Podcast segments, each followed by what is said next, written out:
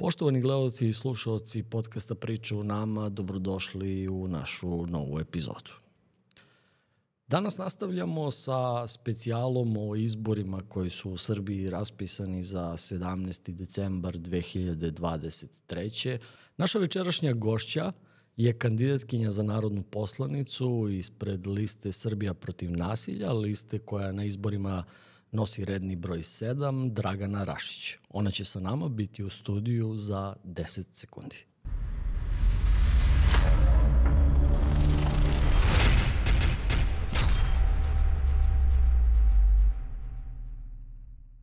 Ćao Gago i dobro mi došla po drugi put u ovoj studiju. Hvala ti Miloš, hvala na pozivu.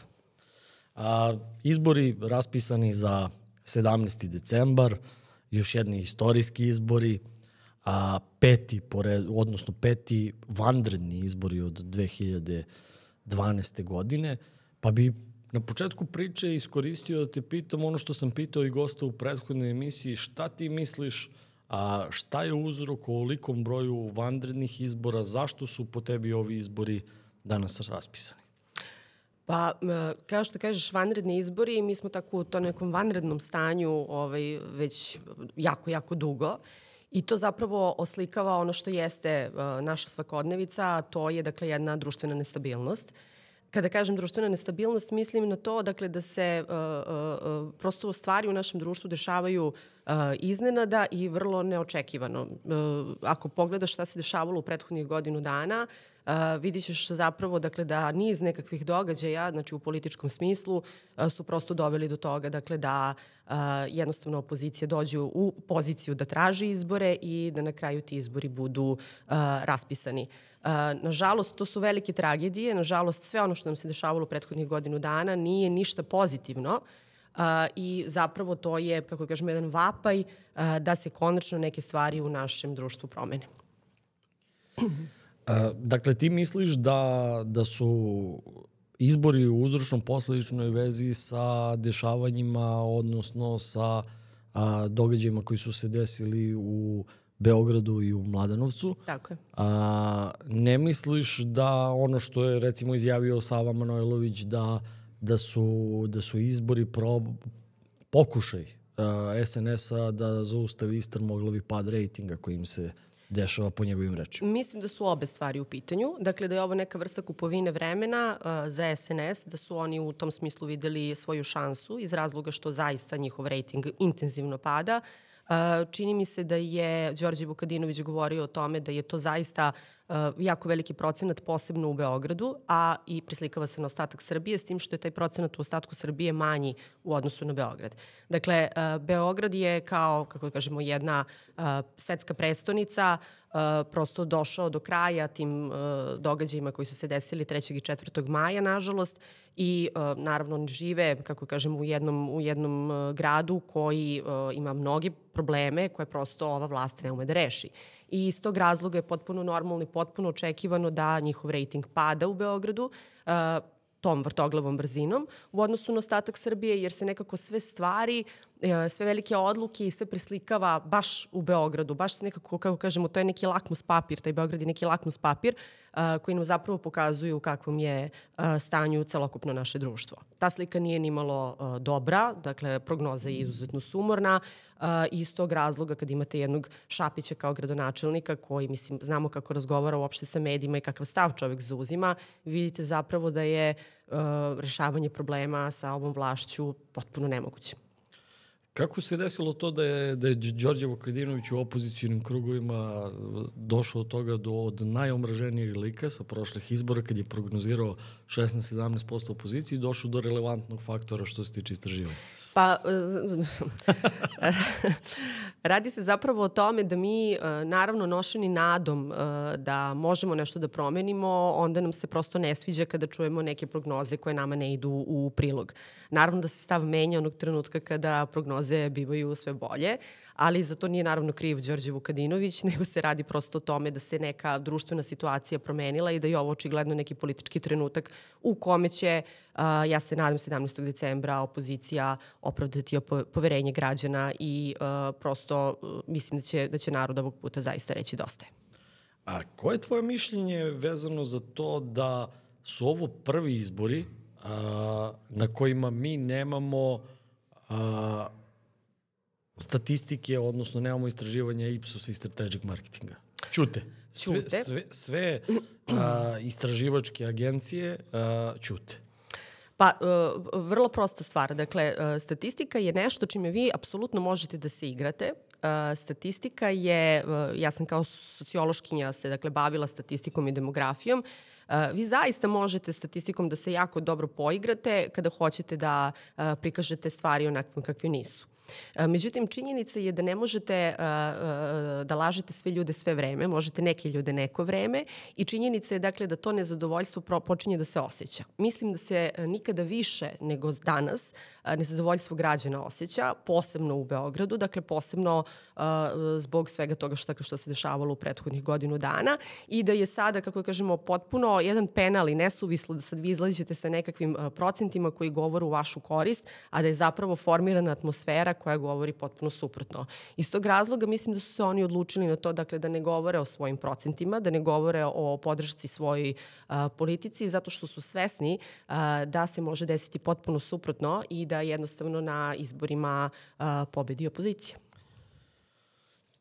Pa dobro, ajde sad da, da, da tu pobedu opozicije, da, da malo stanemo sa tom pobedom opozicije, ali sam apsolutno siguran da, da, da je na ovim izborima situacija takva da prvi put a, od 2012. izbora može da se desi da Srpska napredna stranka ni sa manjinama nema, nema većinu u Većina, parlamentu. tako je, tako je, tako je. Dakle, to bi bila izuzetno ovaj, velika politička kriza u tom smislu.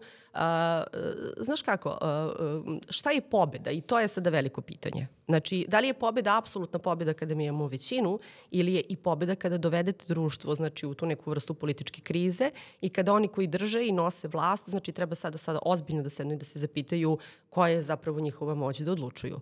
A, u našem slučaju ja mislim da je dobro i jedno i drugo iz razloga što ovaj, kada dođete do toga da se formira prosto ta politička kriza, da se ta politička kriza desi, vi onda a, nedvosmisleno šaljete informaciju dakle da ta politika više nije nešto zašto će ljudi da se uhvate i nije politika koja će da se sledi. To je očigledno. Da, definitivno je ono što možemo da vidimo trenutno u ovoj fazi kampanje, možemo da vidimo da je veliki broj a, građana i građanki na, na štandovima opozicije, da je veliki broj na a, njihovim skupovima, a, da opasno ide u korist svemu tome inicijativa Proglas koju, Tako je. koje, ko, koju su potpisali neki intelektualci i ugledni ljudi a, u Republici Srbiji, počeo od akademika Kostića, preko Ivanke Popović, sudije Majića, a, Dragane Bilogrlića, Svetlane Bojković. Tako je. Ako sam nekog izostavio, ima ih dosta. Mislim, evo sad, sad se priključuju i Dejan Bodiroga i Vanja Marinković od košarkaša i tako dalje. Svaki dan, koliko vidim, i Marčelo od muzičara, ima, ima ljudi. Koliko je značajan proglas i koliko je značajno da su, a, da se taj neki, ajde da kažemo, ja sad ne znam kako bi to nazvao, a, Vučić ih naziva elita. Da, A, k- da, da se taj neki sloj ljudi a, digao i da ne samo da podržava a, opoziciju na ovim izborima, oni se nisu izjasnili koju listu podržavaju, treba, tako oni je. podržavaju Srbiju i to je njihov stav, ali a, koliko je značajno da ne samo da, da su se izjasnili, nego i aktivno učestvuju u kampanji pozivanja građane da uzmu svoj život u svoje ruke, da izađu 17. decembra i da glasaju. Ja mislim da je to užasno važno i hvala Bogu, znači, što se to desilo. Prosto, uh, ja zaista mislim da uh, ljudi koji se pojavljuju u, u sferi javnog života, koji su uh, prepoznati kao, kako da kažemo, intelektualci, koji nose neke određene vrlo važne društvene funkcije, imaju obavezu i odgovornost da tako, da tako reaguju i da se tako ponašaju. I meni je veliko zadovoljstvo, znači što se to baš u ovom trenutku desilo, iz tog razloga što kažem da je opet nekako taj trenutak politički sazreo. A, možda bi situacija bila drugačija da su se oni pojavili kao proglas na prethodnim parlamentarnim izborima. Međutim, sada njihovo pojavljivanje ima apsolutnu težinu jer su ljudi koji dakle ne govore tačno za koga treba glasati i to na kraju krajeva nije ni, nije ni bitno i na kraju krajeva ne treba da se time bave. Ali ono na što oni zaista treba da uputi, što i rade, jeste dakle da kažu ono što je najvažnije za svakog građanina, a to je dakle da žive u jednom nestabilnom društvu, jednom koruptivnom društvu, u društvu u kome se najviši državni funkcioneri, eh, najviši, najviši državni funkcioneri su povezani sa kriminalom. Dakle, jedno nebezbedno društvo kada vam se desi uh, 3. maj, znači pričamo o osnovnoj školi. Dakle, sve su to indikatori koje je nekao trebao da se sublimira, je tako? Znači i da nam kaže, ej ljudi, vidite, mi smo se sada kao neki misleći deo društva e, dogovorili dakle da e, podržimo bilo koju politiku koja će ići u suprotnom smeru u odnosu na ono što nam se sada dešava. I zaista mislim da je to uh, jedna uh, zrela, zrela odluka svih tih ljudi. Ja ih maksimalno u tome podržavam uh, i smatram da je to zaista u ovom trenutku bilo apsolutno neophodno. Sa druge strane, uh, oni su takođe ljudi koji imaju svoje karijere koje su povezane uh, sa društvom i državom dakle, u kojoj žive. Uh, ako vi bez straha uh, prosto izađete i kažete ljudi treba da promenimo ovu stvarnost koju živimo, treba da promenimo ovaj politički sistem u kome smo, na taj način, način zapravo oni ulivaju hrabrost ostalim ljudima koji možda do sada nisu imali hrabrosti da izađu i da kažu dosta je, ne želim da živim ovde, ne želim da deca žive u ovakvoj atmosferi, želim da se nešto promeni. Tako da je to iz više uglova izuzetno dobra stvar koja se u ovom trenutku desila. A, pomenula, si, pomenula si više puta a, tragediju koja se desila mm -hmm. u, u Ribnikaru. Uh, A, I u Mladenovcu. I u Mladenovcu. Da. A, kako ti kao prosvetni radnik, prvenstveno kao prosvetni radnik, a, reaguješ kada, kada čuješ a, da sa jedne strane znaš da se desila ta tragedija, a sa druge strane čuješ istraživanje Birna u kome je Ministarstvo za brigu u porodici upravo u svrhu vršnjačkog nasilja a, bacilo, odnosno fantomskim organizacijama dalo 5 miliona evra, a da ni jedan a, seminar nije, nije urađen sa tim ljudima i da su te pare mogle da odu a, više puta smo pričali i na, i na stanje srednjoškolskog centra u, u Zaječaru, da su te pare mogle da odu na uređenje nekog infrastrukture, na uređenje mokrog čvora, a otišle su u džepove nekih fantomskih organizacija. Mene to poražava. Znači, u potpunosti, ne samo kao prosvetnog radnika, kao uh, majku dva maloletna deteta, kao građanku uh, Srbije, mene to apsolutno poražava. Dakle, ta situacija je prosto, kako kažemo, igranje sa životima. Posebno zato što imamo to iskustvo. Mi smo mala zemlja da bi nam se tako velike stvari dešavale, a desile su se. Dakle, um, mi zapravo vidimo da je i tu uh, a, kroz to istraživanje koje je ovaj, urađeno i kako su oni trošili ovaj, nenamenski taj novac, a, mi smo do, zapravo došli do zaključka da se oni igraju sa onim što je najsvetije dakle, za jednog uh, roditelja, to je bezbednost uh, njihove dece. I uh, sa druge strane, dakle, ako su u stanju da zlupotrebe takvu jednu stvar, šta su onda sve u stanju da zlupotrebe? Mislim, prosto to otvara dijapazon pitanja uh, Dakle, šta ova vlast je sve u stanju da uradi ako je u stanju da uradi tako nešto?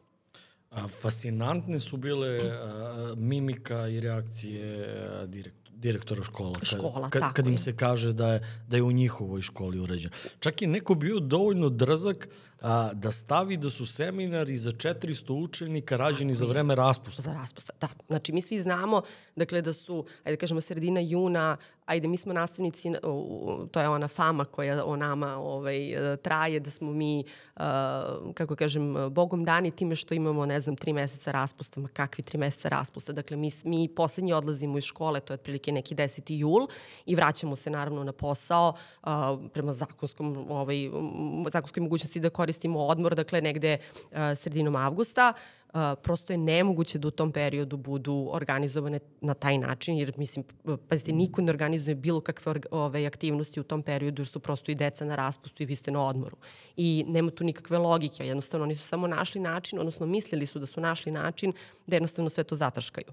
Međutim, to ih je, kako da kažem, još više uh, ovaj, uglibilo u njihovoj laži iz razloga što je to apsolutno nemoguće da se dešavalo u tom nekom trenutku. Posebno, znate šta, može, može, mogle da se možda desi za nekolicinu učenika, Ali o tolikim brojevima razgovarati, znači u, u tom periodu, nema šanse. Prosto nema šanse. Ne, meni je fascinantno ona direktorka koju, koju pitaju koliko vi deci imate u školi, ona kao osam. O, da.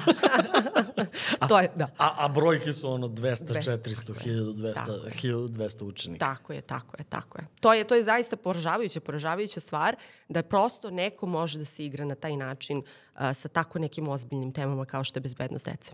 Ono što je po meni isto uh, veoma poražavajuće je to da neko na osnovu toga da, da si ti, biću na ti, da si ti a, a, kandidat na, na izborima u stanju da izazovi neću biti uopšte korektan u, u svojoj izjavi niz laži na, na, na, na tvoj račun. Uh -huh, uh -huh. A, pričamo o gradonačelniku Zaječara Bošku Ničiću. A, nažalost, ljudi treba da znaju da, da opozicija nema uvek mogućnost da odgovori gradonačelniku, jer, jer je njegov broj javljanja u Skupštini neograničen, a mi smo ograničeni na jednom po tački dnevnog reda, a pre nekoliko dana je bila sednica na kojoj je bila samo jedna tačka dnevnog reda, mhm. znači mogli smo jednom da se javimo i da komentarišemo i tada smo čuli iz usta, iz usta gradonačelnika smo čuli a, da ti stojiš iza, iza protesta a, srednjo, srednjoškolaca. Da, da. A, čuli smo a, to da, da koristiš decu u političke svrhe. A, čuli, smo, čuli smo i to, a, odnosno videli smo na gradonačelnikovom Facebooku a, snimke a, sigurnosnih kamera srednjih škola.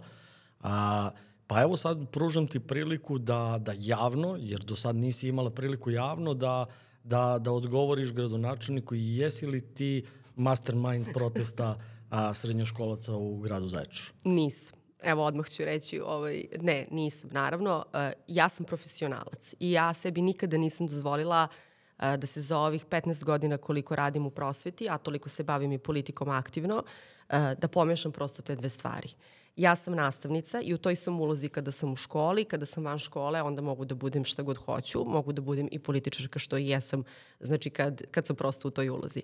Uh, naravno da nemam nikakve veze sa, sa ovaj protestom, prosto bila sam upoznata sa tim da im je hladno, a i ne mogu da kažem da nije bilo iz razloga što sam i ja ovaj, bila u jakni i na taj način držala predavanja uh, ovaj, deci i uh, mislim da su bili u potpuno pravu kada su prosto taj svoj stav, da znači neku svoju primarnu potrebu tražili da bude zadovoljena, jel tako? Znači, kako možete da radite, kako uopšte možete uh, kako da kažem, da pratite predavanja, da sada uh, učite u situaciju u kojoj vam je hladno. Vi ste fokusirani samo na to, znači da je prosto hladno i vi ste u toj stisci i jednostavno ne možete da funkcionišete normalno, što je, mislim, potpuno prirodna jedna stvar, jel tako? Uh, ja znam, ja sam znala, znači ne mogu da kažem da nisam znala da su de, ovaj, deca nezadovoljna, da su učenici nezadovoljni stanjem ovaj, u školi kada je grejanje u pitanju, ali ni jednog jedinog trenutka nisam, niti sam ih organizovala, uh, niti sam ih, uh, kako da kažem, huškala, kako bi on to rekao, gradonačelnik, ovaj, da nešto urade po tom pitanju. Uh, deca su, ja sam to govorila na Skupštini, jedan pametniji deo društva, Uh, ja se jako uh, ljutim kada čujem svoje kolege koji kažu, ne znam, današnji đaci su ovakvi ili onakvi, nisu. Prosto naši đaci su danas proizvod nekog trenutka, nažalost, koji smo mi stvorili kao odrasli i odgovorni. I uh, s tim u vezi moram dakle, da kažem da su oni prosto kao takvi, kao pametniji i bolji deo društva, jednostavno uradili ono što je očigledno trebalo da mi uradimo kao odrasli.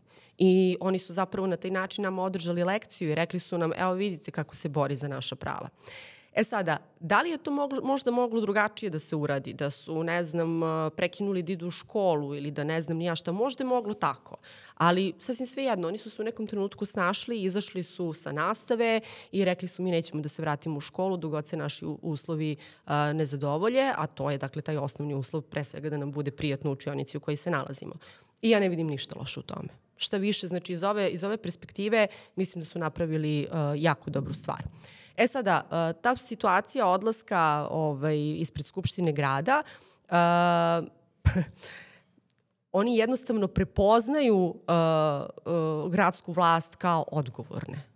To je jednostavno tako. Znači sada, Da li su oni zaista odgovorni ili nisu odgovorni, u kojoj meri je tu njihova odgovornost, ja sad stvarno tu to ne mogu da uđem, to su sada poslovi koji su se dešavali uh, na nivou direktori škola i gradska uprava, ali sasvim svejedno oni su zaista prepoznati kao neki nosioci vlasti, neki ljudi koji su odgovorni za funkcionisanje grada i škola, jel? Iz tog razloga je bilo opet potpuno normalno i potpuno logično što su se oni tamo našli.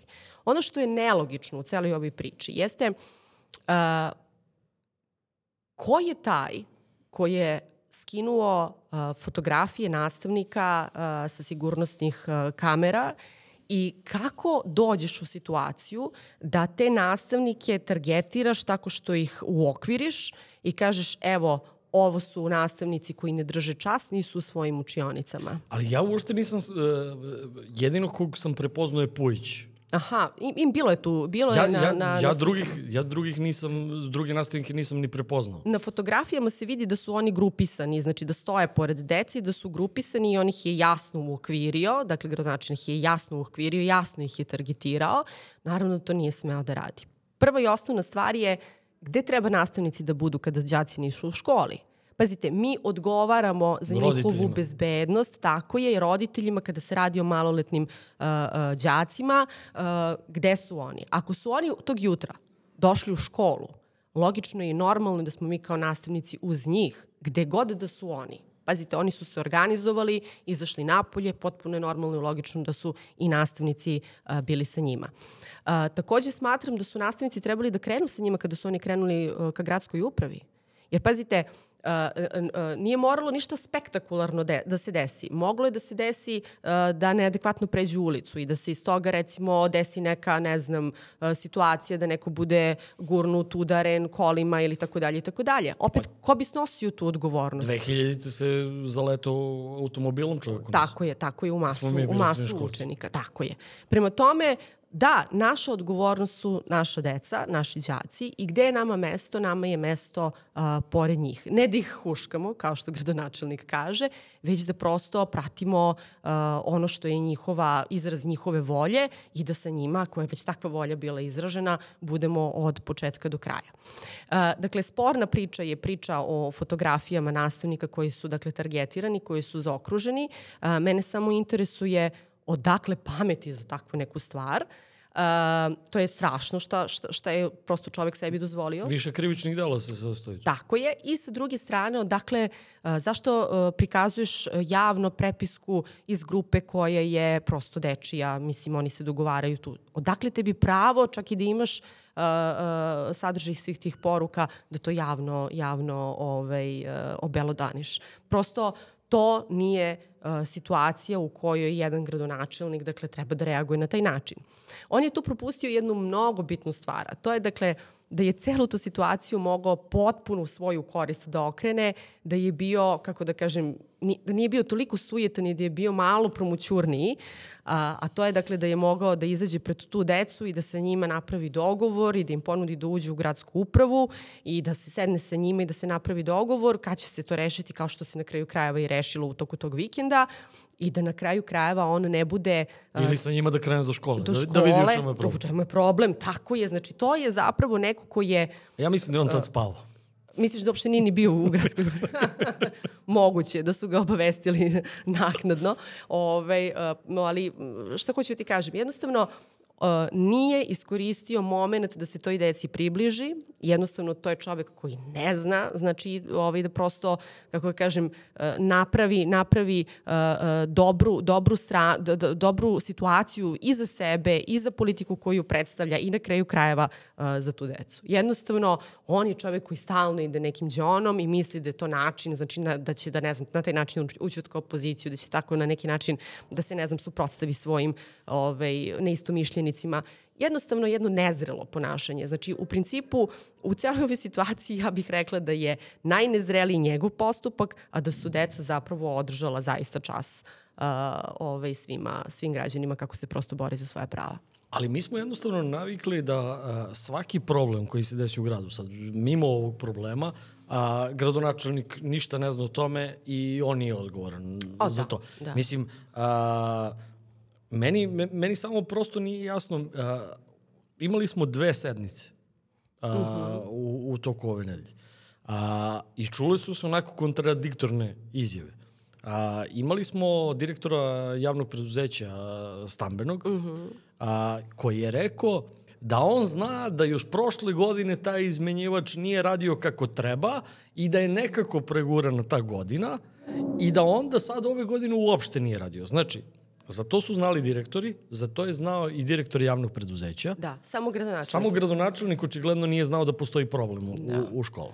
Pa ja sam, e, znaš kako, ovaj, neko je tu zakazao. Da li, da li su to sad neke njegove... E, hteo sam da te pitam, koliko je dana trajalo to? E, pa, od... dok, dok učenici nisu izašli. Nisu izašli valjda prvog dana. Ne, ne, ne, ne, daleko toga. Oni su bili nezadovoljni intenzivno nekih nedelju do desetak dana. Znači, nemoguće da nije stigla priča do gradonačnika. Apsolutno je nemoguće. S obzirom da je taj, kažem, čovek znači, u stanju znači, da dođe do svih tih informacija znači, I koje do su... prepiski do, u grupu. Koje je prepiski i do fotografija, znači da prosto to zlupotrebi. Znači, nemoguće da on to nije prosto znao.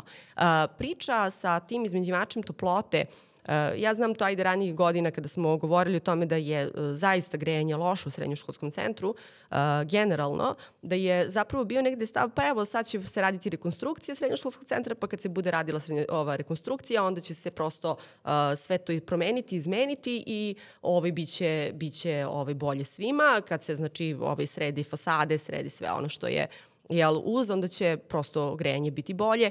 Međutim, kao što vidimo, um, kao što je Vučić najavio, ovaj, mi od te rekonstrukcije srednjoškolskog centra očigledno nećemo vidjeti ništa. Nama je očigledno u ovom trenutku ipak bolja strateška pozicija da napravimo ovaj park gladijatora, ili gladijatora, imperatora. Imperator. Ja se izvinjavam, imperatora ovaj, da je to nekako svrsishodnije u ovom trenutku i u ovoj kampanji nego što su a, naša deca. A, što pokazuje i ono što si malo čas naveo vezano za bezbednost i trošenje para. Tužiloštvo. Mm -hmm. A, koja je uloga više, da li mi kao građani znamo koja je uloga tužilaštva? Znači, po, po meni je tužilaštvo kad je videlo slike e, na gradonačelnikovom zidu trebalo da reaguje, znači i da a, pozove na razgovor sve one koji imaju pristup snimcima, jer a, odaje se utisak da, da mi polako živimo život velikog brata. Dakle. Odnosno da gradonačelnik ima pristup svakoj kameri u gradu Zaječaru i da može da kontroliše svakog građanina, odnosno mesta koje su obuhvaćene kamerama, što nikako ne bi smeo da bude slučaj. Apsolutno. Um, vidi, ja čemu tužilaštvo konkretno služi, znači ja sad to, to pitanje već evo postavljam, mogu ti reći, par godina unazad, pošto znaš da je pred tužilaštvom ovaj, naš ovaj, uh, predmet vezan za 4. decembar je barikade ovaj, i upad policije u naše stanove, tvoj i moj najkonkretnije, ovaj, za upozorenje, jel, došli su da nas upozore. Evo, recimo, još uvek ne znam koji je epilog cele te priče. Znam, znači, da to više nije u nadležnosti a, policije i njihove unutrašnje kontrole, već da se taj predmet nalazi u tužilaštvu u Zaječaru. I nalazi se od februara prošle godine. I mi nemamo pojma, znači, šta se dešava dalje sa tim. Dakle, uh, tužilaštvo bi trebalo da reaguje uh, prema zakonu kada postoje nekakvi navodi, kada postoje govorkanja javna i tako dalje i tako dalje. Međutim, vi imate sada, kako kažem, gradonačelnika koji na svom Facebook profilu, znači, apsolutno deli, znači, ove te fotografije i imate apsolutno jedno ćutanje. Međutim, pogledajte prosto sa vrha. Znači, ako vi imate uh, uh, republičku tužiteljku koja ne postoji, postoji na papiru, ali je nema nigde, znači za mnogo, mnogo, mnogo zbiljnije situacije, počevši od Krušika, od uh, Jovanjice i tako dalje, uh, šta će, mislim, da reaguje neko tužilaštvo za neke fotografije e, nastavnika sa sigurnosnih kamera. Pritom to su gradske kamere, odmah da se razumemo, to nisu kamere škole. Ja vrlo dobro znam šta hvataju uh, kamere škole i to nije taj ugao iz koga je to snimljeno, dakle to je definitivno sa sigurnosnih kamera grada. I znam da su u toku tog dana uh, po, uh, policija je ovaj, prosto bila u prostorijama naše škole i razgovarala je sa uh, punoletnim uh, učenicima na tu temu. Da li, Čemu? Da li ih je neko organizovao? A, ja ne znam, mislim, a, taj Boško Ničić je bio deo DOS-a 2000. godine. Uh -huh. A, ni tada, a, čak ni tada, nije DOS i nije otpor organizovao srednjoškolce da izađu na ulice, Tako nego je. smo se mi organizovali i zvali njih. Tako je. Nisu oni došli da huškaju. I ja ne znam kako mu pada na pamet posle svega toga što je prošao, ali očigledno on zaboravlja. Ne, osjeća se napadnuto. Znaš, e, to, to je problem. E, to su ljudi koji jednostavno ne mogu da istrpe ni jednu najbanalniju kritiku. Ajde pričamo o njegovom ponašanju u toku sednica uh, parlamenta, lokalnog parlamenta. Znači, to je čovek koji jednostavno uh, ne može da, uh, da prihvati uh, bilo kakvu kritiku na svoj račun on automatski znači ima jako veliki poriv da izađe i da se s vama prepire na ličnom nivou. Pa kad ja kažem ovaj, u žaru borbe ja sam ovde već šest godina, znam da mi nećete dati repliku, a on na to kaže nažalost. I tu staje svaka priča. Pa nije to to bilo jedino, mislim, bilo Da, je i da, da, da, da, ovo je sada nešto treba, što- treba da nas mentalna institucija, institucija. zbrinjava i tako je, dalje. Tako je. Znači, tako to je prosto čovek koji jednostavno, kako da kažem, je do te mere orobljen svojim sobstvenom sujetom, da on više apsolutno ne može na racionalnom nivou čak ni da proceni šta je dobro za tu određenu situaciju i da reaguje u svoju sobstvenu korist. On prosto reaguje iz pozicije branim se. I on je stalno u, u, u tom modu, ali branim se tako što ću džonom, znači konkretno uvek ići na nekoga ko mi sugeriše uh, uh, bilo kakvu manjkavost u mom radu. Glib, glib, težak. Tako je, tako je. I to je jednostavno, tu, tu vi vidite zapravo jednu nezrelu ličnost, znači kažem opet ophrvanu svojom so, sobstvenom sujetom i jednostavno, kako kažem, kako je taj čovjek uopšte sposoban znači da onda obavlja tako jednu važnu funkciju kao što je a, funkcija gradonačelnika. Kakav je osjećaj iz vida a, odbornice, pošto a, si odbornica u, u Skupštini grada Zaječara, da, da dođeš na, na sednicu i prvo te a, sačeka jedan red obezbiđenja, a onda se penješ u stepenica gore još desetak ljudi, svi obučeni u crno, svi onako s ozbiljnim facama te gledaju, a ti nemaš pojma o čemu se radi. Jako je neprijatan osjećaj. Prosto uh, postavljaš pitanje šta se dešava. Meni je to prvo pitanje bilo. Znači, kad sam videla onoliki broj ljudi uh, u Skupštini grada, ja sam, ja sam bila ubeđena da se nešto desilo loše i da je to sada, kako da kažemo, proizvod te neke ove, situacije loše. Međutim, onda vi shvatite da se apsolutno ništa ne dešava, da jednostavno su angažovani ti momci, znači koji tu sada nešto rade, stoje. Ja sam kada sam prošla rekla dobar dan, dobri ljudi, oni su mi svi ovaj, odgovorili. Ja sam samo konstatovala, bože, šta li vi ovde čuvate? Ove, bilo je tu nekih e, šumova koji su se čuli, iskreno da budem, ovaj, ne znam šta su konkretno ovaj, rekli, ali mislim, prosto to, to, to, to sugeriše e, na zaključak, dakle, da je tu u pitanju ogroman strah. Znači, prosto ne znam kome je potrebno to toliko obezbeđenje, šta se tu toliko obezbeđuje, uh, da biste vi morali da angažujete toliki broj ljudi. Mislim, šta se promenilo od prethodne sednice? Ništa. Znači, prosto ista je situacija kao i pre godinu dana i pre dve godine i pre tri godine. Jedino što se umeđu vremenu desilo jeste da se desio uh, narod, odnosno desili su se uh, uh, građani iz malog izvora koji su došli da uh, prosto stopiraju uh, donošenje nekakvih odluka za koje su smatrali da su štetne po njih. I tad nije smeo da bude ni gradonačelnik u Skupštini. Tada nije bio ni gradonačelnik u Skupštini. E, verovatno je iz tog razloga, dakle, angažovano obezbeđenje, da ne bi kojim slučajem palo na pamet nekome još da se organizuje i da dođe, da sugeriše uh, vlasti da se, da se donose pogrešne odluke. Ali mi smo imali, mi smo imali situaciju gde, gde gradonačelnik jednog uh, opozicijnom, jednom opozicijnom odborniku kaže a, kad ga ovaj pitao uh, ko se pita oko toga, on mu je rekao jok ti ćeš da se pitaš. A, Da, to je njegov rečnik, da, ali, standardni. ali odbornik, a, strašno je da u jednom parlamentu a, odbornici ne znaju zašto je angažovano obezbiđenje. Tako je, tako je. Mi na kraju nismo dobili odgovor. Mi smo dobili odgovor da je a, da je obezbi, da obezbiđenje radi iz ljubavi. Tak, tako je, tako. Ja sam to postavila pitanje, ali pošto je gradonačelnik u, u žaru tog objašnjavanja rekao nama ovaj, da je e, obezbeđenje angažovano, e, da postoji ugovor, ali da se ne plaća ni dinar tom ovaj, obezbeđenju. Onda sam ja pitala da to mora da iz ljubavi. Onda ovaj, ja, su prosto ljudi došli, osetili su da se osjećate nebezbedno u ovaj, prostorijama u kojima radite, pa su došli da vas obezbede naknadno. E, smešno je sve to, Miloše. Mislim, sm- smešno je šta mi živimo i smešno je do koje mere um, se poigravaju prosto sa institucijama i u krajnjoj liniji sa životima, sa životima ljudi. Da, na poslednjoj sednici smo čak imali iskustvo da, da predsednik Skupštine oduzme reč, Da. da uh, izglasa da je, Prekinuta, odnosno da je iscrpljena da. rasprava, Rasprava.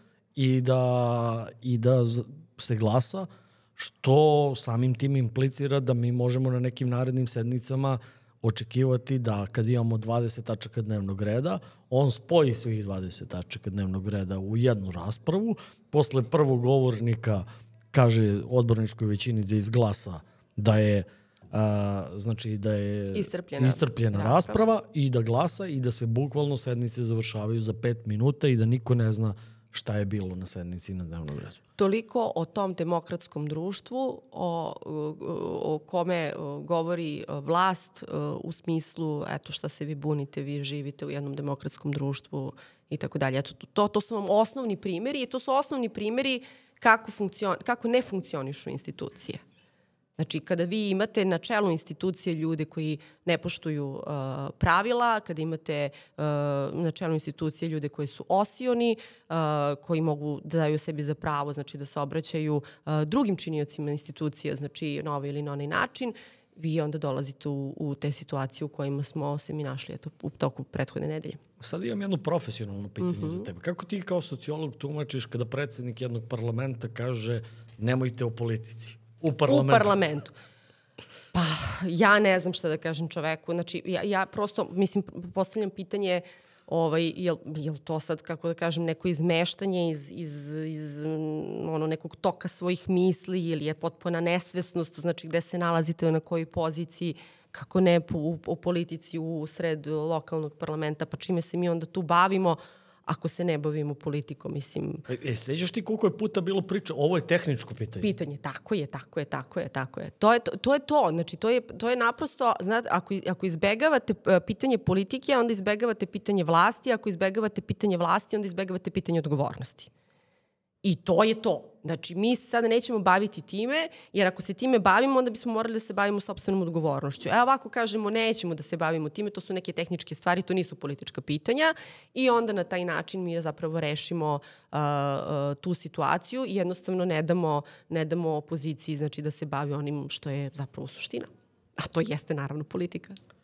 A, cela naša politička scena, odnosno a, stanje u državi je takvo da smo mi otprilike upside down. Mi imamo, mm. mi imamo velelepne stadione sa jedne mm. strane, imamo nikad veći broj femicida sa, sa druge strane. Tako imamo, imamo sa jedne strane, kažemo da smo ekonomski tigar, da, da nam je BDP nikad jači, plate nikad veće, a onda se usvajaju mere pomoći penzionerima, pomoći srednjoškolcima.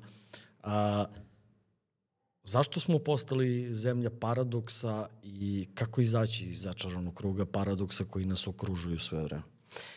Uh, kako smo došli, to je sada jedno uh, slojevito pitanje. Uh, moja uh, teorija je sledeća. Dakle, mi smo tranzitirali iz jednog uh, društvenog funkcionisanja, iz uh, perioda socijalizma, uh, trebalo je znači, da, da, da dođemo u, u, u neku poziciju uh, demokratskog društva. Nažalost, mi nismo imali prilike da do te pozicije dođemo. Mi smo još uvek jedno nezrelo društvo koje poklanja svu vrednost i svo svoje poverenje jednom čoveku i to vam tačno govori o tom nezrelom društvu, jer sva zrela društva, razvijena društva zapravo uh, svo svoje poverenje poklanjuju sistemu, a ne jednom čoveku. Dakle, čovek je kvarljiva roba, znači nešto što, kako da kažemo, vlast može i tekako da pokvari. Prema tome, jedino je uh, dobro rešenje da sistem funkcioniše. E sada, kada je sistem uh, zapravo sadržan u jednom čoveku, odnosno jedan čovek utiče na celokupan sistem, vi onda dobijete društvo koje smo mi dobili danas. A to je upravo ovo o čemu ti sada pričaš, društvo paradoksa. Da jednostavno se dešavaju neverovatne stvari, dakle da vi imate predsednika države koji iz potrošačke korpe vadi parizer i govori o tome dakle da je to kako da kažemo pomoć jel Smanjenje cene smanjenje cene parizera. Uh, Ili smo imali pre neki dan one čvarke na komad. Da, čvarke na komad, ako, ako je neko ovaj, ovaj, pogledao tu sliku, tu fotografiju. Sasvim sve jedno, uh, to je zapravo jedan jeftin populistički trik uh, da vi sada zapravo tom čitavom pričom zamažete oči uh, nažalost najsiromašnijem uh, delu stanovništva, a na ivici siromaštva se u ovom trenutku jedna trećina našeg stanovništva nalazi. Uh, prema tome, to je otvorena manipulacija, tu, tu, tu nema dalje, jer uh, uh, vi sa jedne strane nudite parizer tim ljudima, znači nudite im penzije od 16-17 hiljada, dakle, a sa druge strane im onda date 10 hiljada uh, kao, kao uh, pomoć, kao jednokratnu pomoć. Uh, čoveku koji ima 17 hiljada penziju, 10 hiljada znači puno. Uh, on se praktično iscrpljuje u toku godine sve vreme tom penzijom sa kojom apsolutno ne može ništa.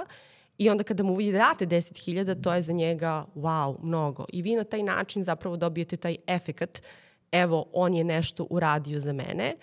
E sad, ono što jeste, kako da kažemo, deo neko, neke naše uh, nezrelosti društva, upravo to da uh, mi ne se ne, ne pitamo zašto smo mi u situaciji da živimo sa 17.000 Zašto smo mi narod koji većina stanovni, da većina stanovništva jede meso dva puta mesečno? Ako poredite statistički, znači u odnosu na Evropsku uniju, mi uh, definitivno kao građani Srbije u, u znatno manjem procentu jedemo meso uopšte. Da li je to piletina ili je neko crveno meso, potpuno je svejedno, mnogo ga manje koristimo. Ako mislite da su to naše navike u kontekstu prehrane, ne, nisu. Mi bismo vrlo rado koristili meso da imamo novac da ga kupimo. I ima jedan fantastičan dokumentarac koji je odradio, ja mislim meni jedan, zove se Ne okreći se tigre, ne znam da li si gledao, gde praktično razgovaraju sa penzionerima koji imaju stvarno neka minimalna primanja i koji kažu jedemo ono što moramo da jedemo i kada je ovaj, snimatelj prosto otvorio frižider, zaista, kako da kažem, dođete, dođete do toga da se zapitate, bože, kakav je to kvalitet života kada vi niste u stanju i situaciji da kupite uh, sebi šniclu, znači, eto, makar dva puta nedeljno. Mi smo imali ovde situaciju, Miljko je imao tačnije ovde situaciju u, u kući slobodnih medija, da je, da je bila jedna bakica, mogu tako da kažem, da je bila ovde u kući i da je, a, da je došla se žali, isključeno je struja, nemaju tako socijalnu pomoć i tako dalje. I mi tu u nekom razgovoru s njom, hvala Bogu, Miljko je uspeo da i preko ljudi iz Crvenog krsta i tako dalje obezbedi sredstva i preko e, Centra za socijalni rad, ali mi onako u razgovoru s tom Bakicom pitamo, Vadoro, uh, za, za, za koga ste glasali? Za Vučića. Naravno. Naravno, to je, pa to je taj paradoks. Uh, prosto deprimirani, siromašni ljudi Uh, su uh, namerno, uh, kako da kažem, dovedeni u tu situaciju da bi se njima manipulisalo. To su ljudi koji su onda, kako da kažem, na najmanji gest zapravo vrlo, vrlo, vrlo zahvalni i sa njima zapravo onda možete jako, kako da kažem, kvalitetno da manipulišete.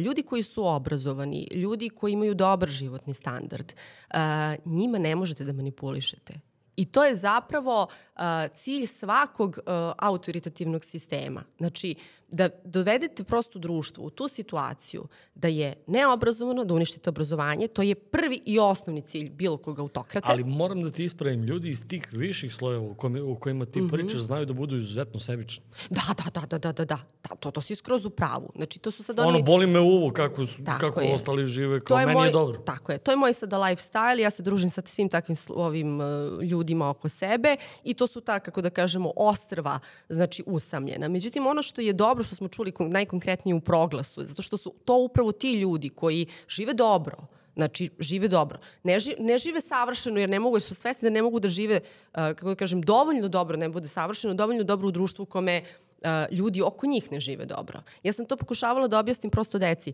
Uh, vidite, vi i ako živite dobro i ako imate komšije oko vas koji ne žive dobro, vi ćete u jednom trenutku doći u problem sa tim komšijama koji će uh, uh, vas gledati kao nekog svog neprijatelja. Vaša bezbednost će biti uh, ovaj, stavljena u pitanje i tako dalje.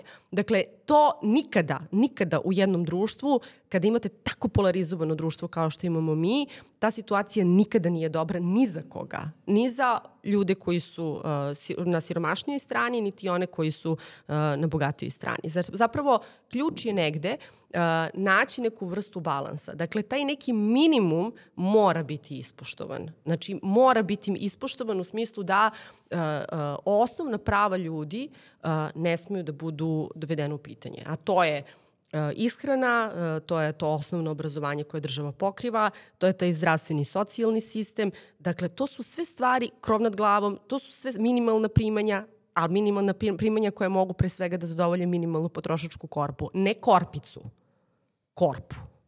Znači, zna se šta ide sve u potrošačku korpu. Ne ono što vadi Vučić, nego ono što treba da se u njoj zaista nađe. Znači, i voće, i povrće, i meso, i sredstva za higijenu i sve ostalo. Kada je to zadovoljeno, onda tu nema nikakvog problema. Onda društvo funkcioniše. Međutim, kažem, mi smo izrabljeno društvo i prosto, znači, ni oni uh, delovi društva koji nisu na ivici siromaštva, koji, da kažem, žive relativno ok, uh, ne mogu da budu zadovoljni, ne mogu da budu sigurni u društvu u kome je uh, prosto uh, veliki broj siromašnih. Kako tumičiš fenomen da, da, da u gradu Zaječaru a, imamo slučaj da imamo dve grupacije SNS?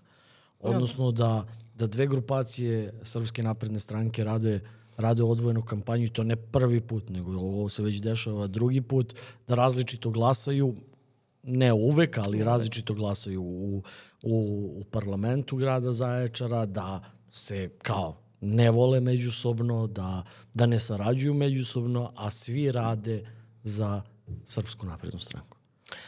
Pa to, to je još, kako da kažemo, još jedan pokazatelj koliko je zapravo nebitno zaista nebitno uh, ko su ljudi uh, koje mi delegiramo da nešto rade, već je jako bitno dakle, da oni samo pripadaju toj, toj, toj grupaciji i da prosto uh, uh, politički podržavaju tog jednog čoveka. Dakle, uh, misliš da se Vučić pita šta je sa Zaječarom i kakva je situacija politička i da to sada da, da može da. da bude problematično? Mislim da da.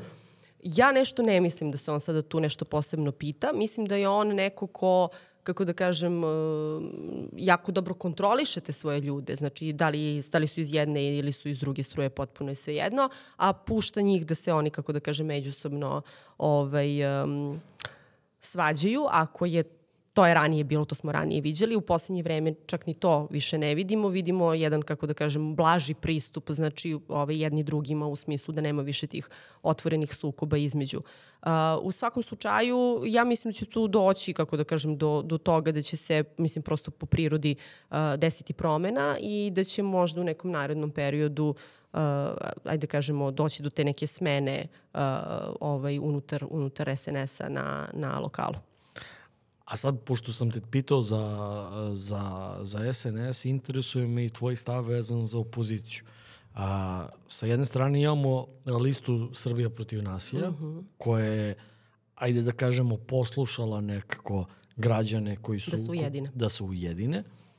Ali sa druge strane, a, desna opozicija a, se nije ujedinila. Izlazi u tri kolone. A, da li misliš da je to slučajno? Da li misliš da je, da je neko, ajde da kažemo, umešao prste u to da se desnica ne pojavi u jednoj koloni? E, iskreno da budem, ne znam. E, dakle, ono što je meni u, u ovom trenutku bilo bitno jeste dakle, da čujem e, šta je ono što je, kako da kažemo, taj politički diskurs koji ovaj, svaka od tih stranaka ovaj, na kom diskursu ovaj stoji. To mi je bilo jako važno da čujem. I, I svi su jako slični. Ja, to, upravo sam to sada htela da kažem. Jako su slični, u principu tu je, koliko sam razumela, uh, spor na taj francusko-nemački sporazum, uh, koliko znam, Ove, koji ne znamo kako koji izgleda. ne znamo kako izgleda i kao to je neka tačka ovaj sukoba u zbog koje se jel opozicija ne može ovaj opozicija da ovaj desnog desnog spektra ne može ujediniti. Uh, u svakom slučaju uh, ja kako bih rekla uh, Uh, svako valjda nosi neku svoju odgovornost, je tako, za svoje neko političko delovanje. Uh, da se nismo mi ujedinili, mi bismo snosili odgovornost, naravno. Ovaj, meni je drago što se desilo da se politička scena tako ovaj, sada grupiše, dakle da se ovi centar levo prosto svi ujedine i čine jednu listu. A šta će ovi da rade? Ja mislim da će nam njihove namere biti jasne tek posle izbora, kada budemo videli da li će praviti neke postizborne koalicije i sa kim će ući u te postizborne koalicije. Misliš li da ima šanse ukoliko, ukoliko recimo Vučić a, ne dobije dovoljan broj glasova na izborima, misliš da ima šanse za, za tehničku vladu u kojoj svi pričaju i o promeni sistema u našoj zemlji? Jer definitivno a, ne mogu na vlasti da budu oni koji su za i protiv Evropske unije. Tako je. To, to, to mora da se, da se iskristalište. Iskristalište, tako I svi pričaju o nekoj tehničkoj vladi koja će a, obezbediti fair i demokratski izbor. Da li je to po tebi moguće? Ja mislim da je to procena u datom trenutku. A, i zato mislim da se sve to i dešava, znači da će se zapravo cela uh, priča dešavati postizborno, ne znači u, u predizborno, nego postizborno. Uh, dakle, kada bude se prosto videlo kolika je, kolika je podrška uh, trenutno SNS-u. Mene su neki umni ljudi učili da se postizborne priče dogovori, dogovaraju predizborno. Pre, tako je, tako je. Znači, tu sad postoji sigurno uh, znači neko, neki razgovor na tu temu, ali verujem da niko ne izlazi sada sa, kako da kažem, konkretnom situacijom i konkretnim dogovorom dok ne vide šta će se desiti ovamo. To su, kako da kažem, strateške neke stvari kojima se prosto ljudi iz politike bave. Da. Znači, ostaje nam da posle 17. decembra vidimo uh, ko je uh, opozicija, a ko nije opozicija, da. odnosno da. da vidimo ko od naših nije naš. Tako je, ko od naših nije naš. uh, ovaj, iz ove sada vizure, onako kako meni deluje, uh, deluje mi da uh, je možda moguće napraviti neku vrstu dogovora sa uh, NADom, odnosno sa DSS-om i POKS-om, moguće, meni tako deluje u ovom trenutku, Uh, ali ne mora da znači. Mislim, apsolutno ne mora da znači. Mislim da Milica Zavetnica i Dveri nisu ajde kažemo, partneri ovaj, sa kojima je moguće napraviti neku vrstu dogovora. Gago, uh, ja mislim da većinu ljudi iz Zaječara interesuju, interesuju tvoji stavovi vezano za, za sam Zaječar i nadaju mm -hmm. se da mhm. ćeš ti u parlamentu Srbije ukoliko uđeš boriti za, za interese grada Zaječara. Kako komentarišeš to da uh, mi sve te ljude u parlamentu znamo. U Zaječarskom, mm -hmm. pričamo u Zaječarskom parlamentu, svi smo komšije, znamo se više ili manje, a, imamo sa njima bolje ili lošije odnose, ali se znamo. A, svi dišemo isti vazduh. Tako je. Vazduh u Zaječaru je četvrti po zagađenosti u Srbiji. Tako je. Vazduh, a, parlament Zaječarski, odnosno uprava grada Zaječara je na a, monitoring kvaliteta životne sredine a, imala realizaciju do sada 2,38%. A, ja ponekad se pitam a, da li ja stvarno da li je to stvarno da mi udišemo isti vazduh ili oni imaju neki vazduh koji... Je koji samo crka, njihov, da. Koji je samo njihov. Čist. A, e, to je ono gde zapravo vid, vidite značaj uh, bavljanja politikom i vidite šta znači partikularni interesi, lični interesi. Dakle, ako je tebi važnije da zadržiš funkciju, a nije ti važno šta ti deca dišu, udišu, uh, to onda govori znači, o tom nekom sistemu vrednosti koji iz moje perspektive možda bude malo poremećen. Možda bude malo poremećen. Ja uh, ne mogu prosto da, da, da živim sa činjenicom da će neko uh, dići ruku i glasati za nekakve odluke uh, samo zarad svojih uh, ličnih pozicija, da uopšte znači, ne razmišlja o jednoj široj slici. Ali sa druge strane, s obzirom da sam u politici toliko godina koliko jesam, prosto naučila sam se da je to zaista moguće. Uh, što se tiče mog nekog zalaganja, uh, u to nema definitivno sumnje. Ja na kraju krajeva sam i krenula u ovu uh, borbu uh, na jednom višem nivou da bih nekako uh, kako da kažem, uticala i uh, na lokal i pre svega dakle, na uh, situaciju koja se dešava u istočnoj Srbiji. Nadam se da ću biti u prilici da to radim. Uh, I kao odbornica, sećaš se, ovaj, pričali smo hiljadu puta na Skupštini o tome da je moguće rešiti pitanje zagađenja, Uh, međutim, vi imate jedan potpuno oprečan stav opet tog gradonačelnika koji kaže da je manje od 20%, ja mislim da je sada manje možda i od 15% ovaj, ljudi Priključeno. priključeno na centralno grejanje.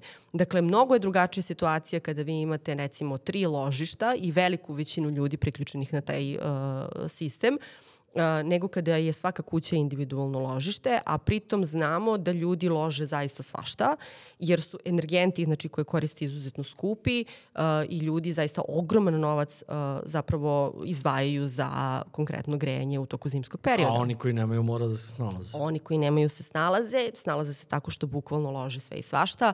To naravno odlazi u atmosferu i to je onaj vazduh koji se nama isporučuje kada padne onaj smog i kada je toliko kiselo na polju, dakle da ne možete da izađete.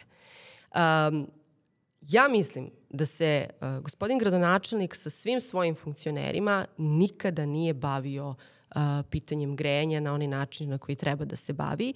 I zapravo vi kada imate jednu istoriju, jedan kontinuitet znači, u vladanju od 23 godine, pa, pa, pazi, on je do sada mogao da reši šta je hteo ali očigledno nije hteo da reši pitanje grejanja. Ili nije umeo.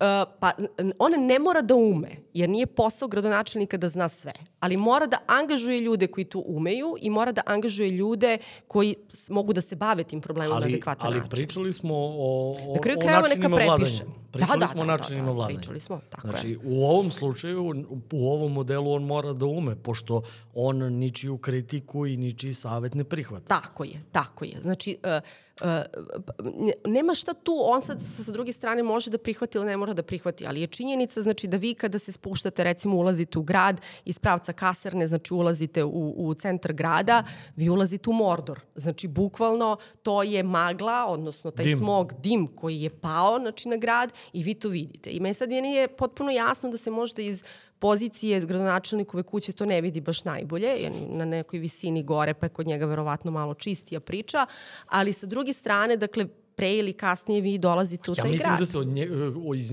iz, iz njegove perspektive vidi najbolje. Tako je. U stvari vidi se šta je ono što je palo na taj grad. Tako je, to si skroz u pravu. O, znači, ne tiče, ne, tiče, ne tiče ga se lično možda, znači, ali se svakako tiče svih tih ljudi koji dole žive i koji prosto se dave uh, u tom vazduhu. Uh, meni je to pitanje broj jedan da li je neko, kako da kažem, uspešan da, ne znam, sagradi stadion ili nije, to mi uopšte nije pitanje, jer mi to nije primarno pitanje, ali mi je jako, jako važno pitanje, jer mi je primarno pitanje, pitanje kvaliteta životne sredine, vazduha, uh, reka, uh, obrazovanje mi je jako važno, znači zato što je obrazovanje osnov za sve ostalo, Znači, privreda mi je jako važna zato što neko treba da se vrati do ovde, zasnuje porodicu i da radi. Uh, jako mi je važna ekonomija jer neko treba da izdržava tu decu. Ako vam je besplatno školstvo, a knjige vam koštaju za dvoje dece za peti i drugi razred 26.000, onda o čemu mi pričamo, jel? Uh, važan mi je kvalitet života. Da li ta deca imaju mogućnost da putuju, da odu, da nešto vide, da vide nešto kvalitetnije, bolje, kakav je taj društveni, socijalni život koji mi ovde njima nudimo. Sve su to pitanja koje su za mene lično užasno važna i ja mogu samo s ovog mesta da poručim, dakle da ću se, ako budem prošla tog 17. decembra i ušla u, Republičku skupštinu, zdušno, dakle, boriti za sve ovo što sam do sada navela. Meni samo nije jasno kako oni ne vide uh, situaciju Stadion kažu da je košta oko 30 miliona evra. Da. Fabrika za prečišćavanje voda je oko 15. Tako je.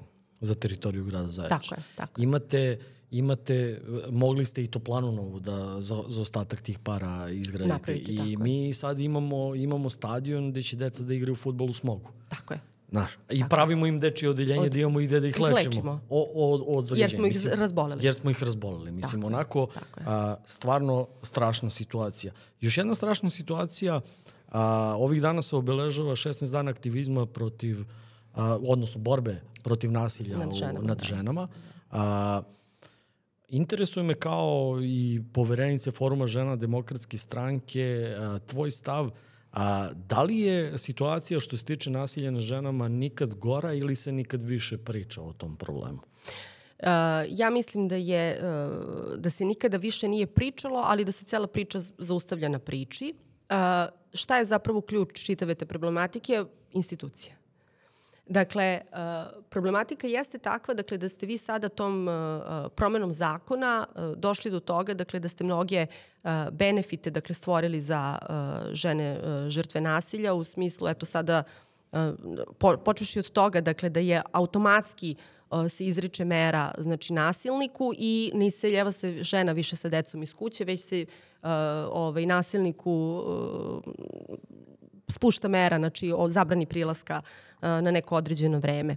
Znači i to jeste, kako da kažemo, jedna dobra, jedna dobra stvar. Ono što nije dobro u celoj toj priči jeste da žene još uvek nemaju poverenje, dakle da prijave uh, slučaj nasilju i pitanje nasilja je toliko strukturalno postavljeno da vi sad treba da krenete bukvalno od samog početka. Dakle, uh, o nasilju treba da se priča na najnižem uh, nivou, znači na najnižem uzrastu uh, kada su u pitanju uh, deca i mladi, jer se ispostavilo da recimo taj obrazac koji mlade žene imaju u toku svog odrastanja u kontekstu odabira pre svega nekih partnera, znači ne, ne konkretno muževa, to je sada već kako da kažemo jedna porodična, porodična zajednica, brak je opet neka vrsta institucije, uh, već znači mnogo ranije da se zapravo tada još kristališu ti obrazci uh, uh, ponašanju u kontekstu šta ćemo tolerisati, šta nećemo. Da li mi uopšte vidimo šta je nasilje, šta nije. Mnoge mlade žene sa kojima ja razgovaram zapravo uopšte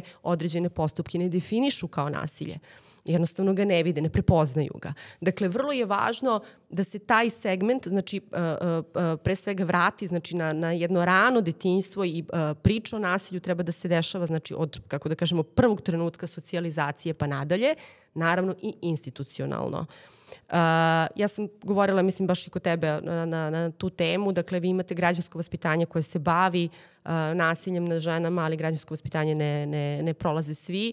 I pitanje je kako se građansko vaspitanje drži, to je sada još jedna od, kako da kažemo, situacija. To vam opet govori o tome da je institucija obrazovanja, ustanova, škola, znači da je to kako da kažemo, prosto prošlo ispod radara, da jednostavno te takve teme uh, uh, zavise zapravo da li će se obrađivati, da li će se obrađivati na pravi način, zavise dakle od entuzijazma samog nastavnika i profesora. To ne bi smelo da bude ostavljeno, kako da kažemo, uh, samo na tome. Tu sad čitav sistem mora da radi na tome da se prosto i dečaci i devojčice osnaže, da nauče o tome koja su ponašanja dozvoljena, koja ponašanja nisu dozvoljena, šta je nasilje, šta nije nasilje.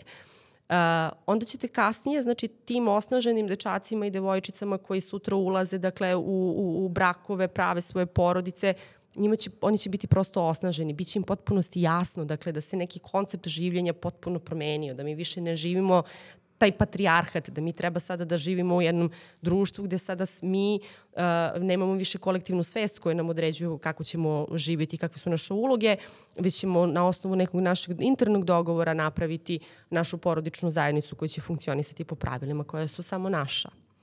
Uh, ono što je uh, fenomenalno u celoj toj priči jeste da sam vrlo često, baš od strane samih devojaka čula uh, da su podržavale, zapravo da podržavaju uh, patrijarhat, jer jednostavno je, kako da kažemo, to model koji je prepisan iz uh, primarne porodice i uh, jednostavno žene se ne snalaze u tome da sada ne postoje nekakva pravila funkcionisanja, neka privatna sfera koja je vezana samo za njih ili javna sfera u kojoj, koja je do ranije bila rezervisana samo za muškarce.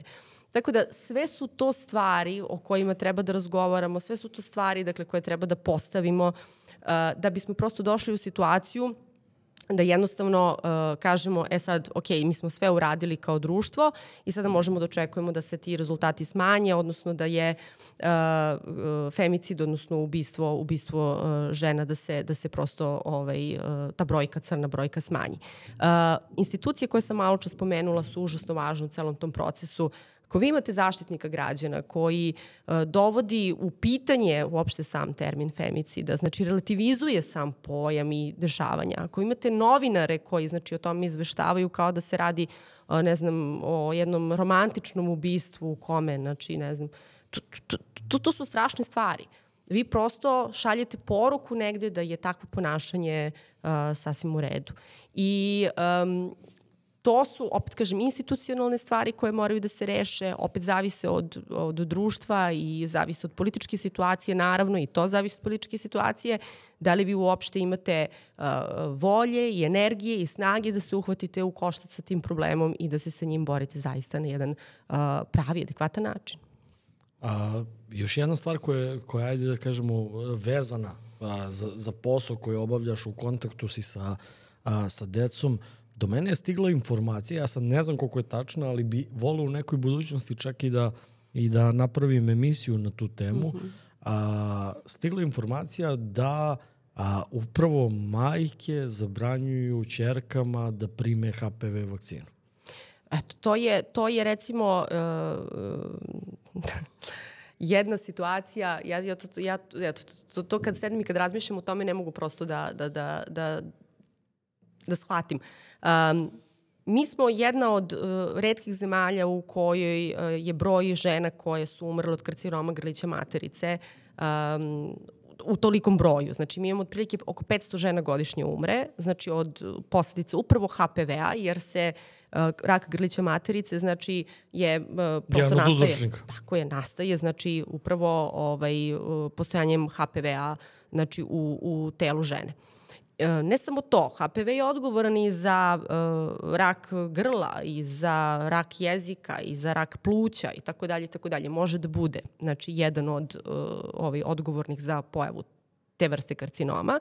I vi sad imate jednu situaciju um, gde su izmislili prostu vakcinu protiv HPV-a i sad odmah ću, odmah ću ti reći jednu bitnu stvar, a to je dakle da ta vakcina ne e, ne štiti od svih vrsta HPV-a, jer je HPV ima, ima puno, puno ovaj, uh, vrsta, ali štiti od onih onkogenih, odnosno onih koji direktno izazivaju rak grlića materice i ostalih, znači, ovaj, karcinoma. Koji su znači pod nastali kao kao uzrok HPV-a. Dobijete tu vakcinu, ona je sada u ovom trenutku ovaj, besplatna i onda imate situaciju da neko kaže, ma ja ne znam šta se u toj vakcini nalazi, neću da vakcinišem svoje dete. Ja kao majka, ja već ću doneti, ja treba da donesem odluku i kao majka dve devojčice. Znači, to je, to, to je, sad da kažem, kako kažem, jedna situacija koja je moja lična. Uh, Ja sam donala odluku da ću ih vakcinisati svakako, znači to je sada moja lična odluka, uh, samo ono još uvijek nemaju dovoljan broj godina da bih to sprovela znači, u delo. Ali da, svakako hoću, jer mi je uh, izuzetno važno dakle, da prosto pružim sve kao roditelj koji je odgovoran, uh, neću da se bavim nekakvim teorijama zavere, neću da se bavim uh, znači time, kako da kažem, šta se nalazi tu, šta se nalazi ovde, jer znam jednu uh, uh, veoma važnu situaciju, to je da je recimo Australija maltene iskorenila rak grlića materice upravo primjenom uh, vakcina protiv HPV-a. Znači, negde neka naučna činjenica mora da bude važnija od mog sobstvenog uverenja, znači da ja i moje sobstvene sumnje šta se nalazi u toj vakcini. Ja nisam završila medicinu, ne bavim se proizvodnjom uh, uh, vakcina, uh, nije moje na kraju krajeva, kako da kažem, da znam šta se u njoj nalazi. Ja smatram da u ovoj državi treba da postoje institucije koje se time bave. Znači, koje treba da kontrolišu znači, te vakcine. Ja ne treba time da se bavim. To treba da rade neke institucije u koje ja moram da imam poverenje. Znači, a ova sada priča, upravo to nepoverenje prema institucijama, upravo ta duboka kriza koju mi živimo, je dovela do toga da mi sada sumnjamo bukvalno u sve i svašta. Jedino u što ne sumnjamo je ne sumnjamo u lekove za smirenje, jer ja mislim da smo jedna od prvih država znači, koja koriste u svetu, znači po broju uh, ovaj, uh, stanovnika koji koriste lekove za, za smirenje i u, u toj količini.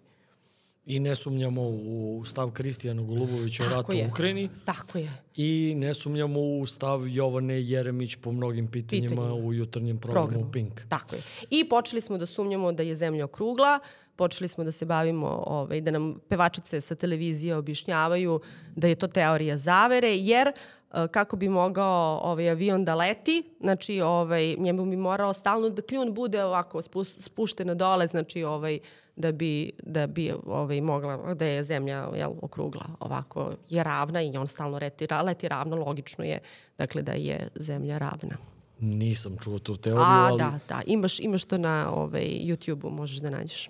Dobro. Da. A, da te pitam sad jednu malo onako neprijatnu uh, temu za, za opoziciju uh -huh. u ovom trenutku. Uh, pojavila se afera sa, sa kandidatom uh, na listi Srbija protiv nasilja Đorđom Mikitićem.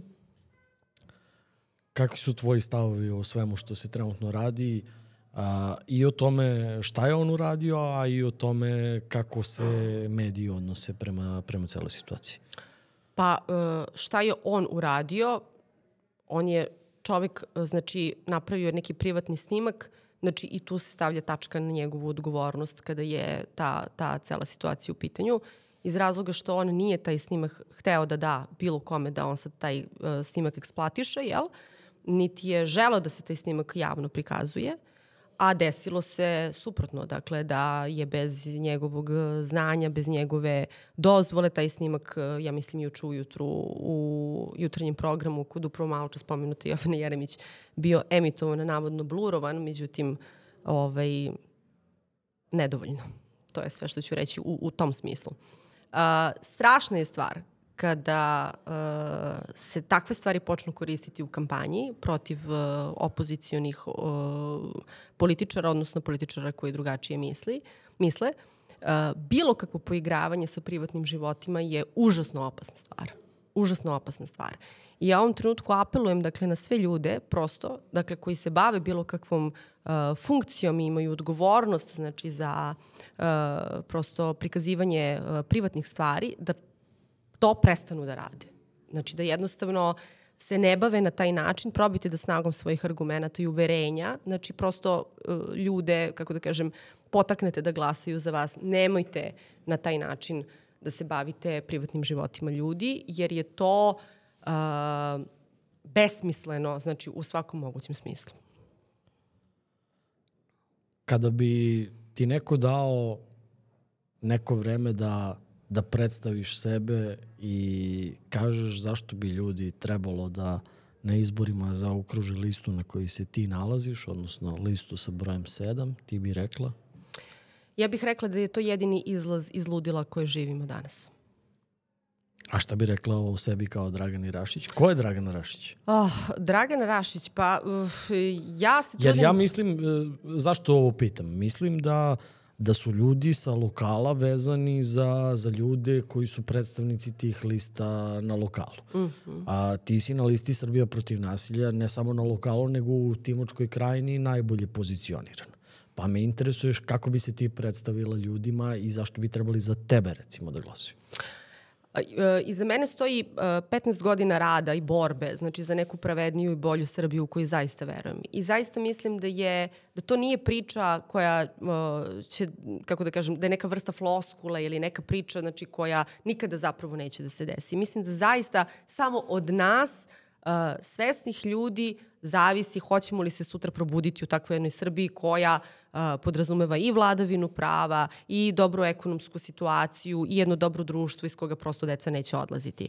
Ako me pitaš koji je moj lični motiv, moj lični motiv jesu moja deca. Ja bih voljela da, znači, da one ostanu ovde i da žive i da imaju jedno jako kvalitetno i obrazovanje i kvalitet života i da prosto zdravstvena zaštita bude na jednom super nivou i da one ostanu ovde i da svoje sutra unuke, znači gledam kako rastu.